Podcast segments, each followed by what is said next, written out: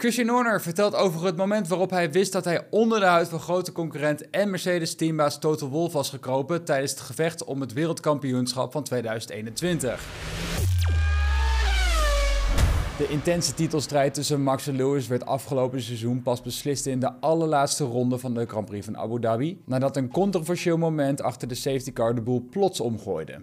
Verstappen wist vrijwel direct na de herstart aan Hamilton voorbij te gaan, wat leidde tot woede in de garage van de zilverpijlen. Wolf was via de radio zichtbaar woest in gesprek met wedstrijdleider Michael Masi. Volgens Horner was dat het moment waarop de Oostenrijker even niet op zijn hoede was. Afgelopen seizoen was een titanengevecht. Niet alleen tussen de twee coureurs op de baan, maar ook tussen twee teams naast de baan. En de persoon waarmee je jezelf meet en waar je het als teambaas tegenop neemt, is je tegenpol. Het is zowel een mentaal als fysiek spel en dat was de eerste keer in een periode van 7 of 8 jaar dat dat team onder enige vorm van druk stond. Zo vertelde Christian Horner bij de podcast Diary of a CEO.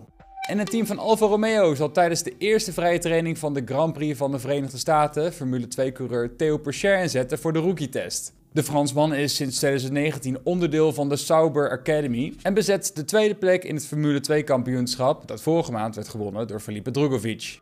Met nog vier races te gaan trekt Red Bull Racing de stekker uit het huidige jaar als het gaat om het brengen van updates. Het team heeft in Japan de rijderstitel gepakt en naar alle waarschijnlijkheid zal binnen enkele wedstrijden ook de constructeurstitel volgen. Vanaf volgend jaar gelden er enkele wijzigingen en dus zijn de Formule 1 teams achter de schermen al een tijdje bezig met de auto van 2023. Red Bull is daar niet anders in, maar gaat alle mankracht gebruiken voor de RB19 en stopt daarom met de ontwikkeling van de RB18. De auto lijkt snel genoeg te zijn om het zonder updates ook goed te doen in de resterende vier Grand Prix. Het eerste jaar met de nieuwe generatie Formule 1 auto's loopt alweer richting het eind. In de F1 Nations podcast vertelt Chief Technical Officer van Red Bull Rob Marshall over de planning. Alle aandacht gaat nu uit naar 2023. Ja, er zijn nog een paar minimale dingetjes, maar we hoeven geen grote updates meer te verwachten tussen nu en de laatste race in Abu Dhabi. In de zomerstop werd er nog gehint op een lichtere monocoque voor de RB18, maar dit lijkt er niet te zijn gekomen. De laatste flinke update was in Singapore, maar dat betrof een aanpassing aan de vloer.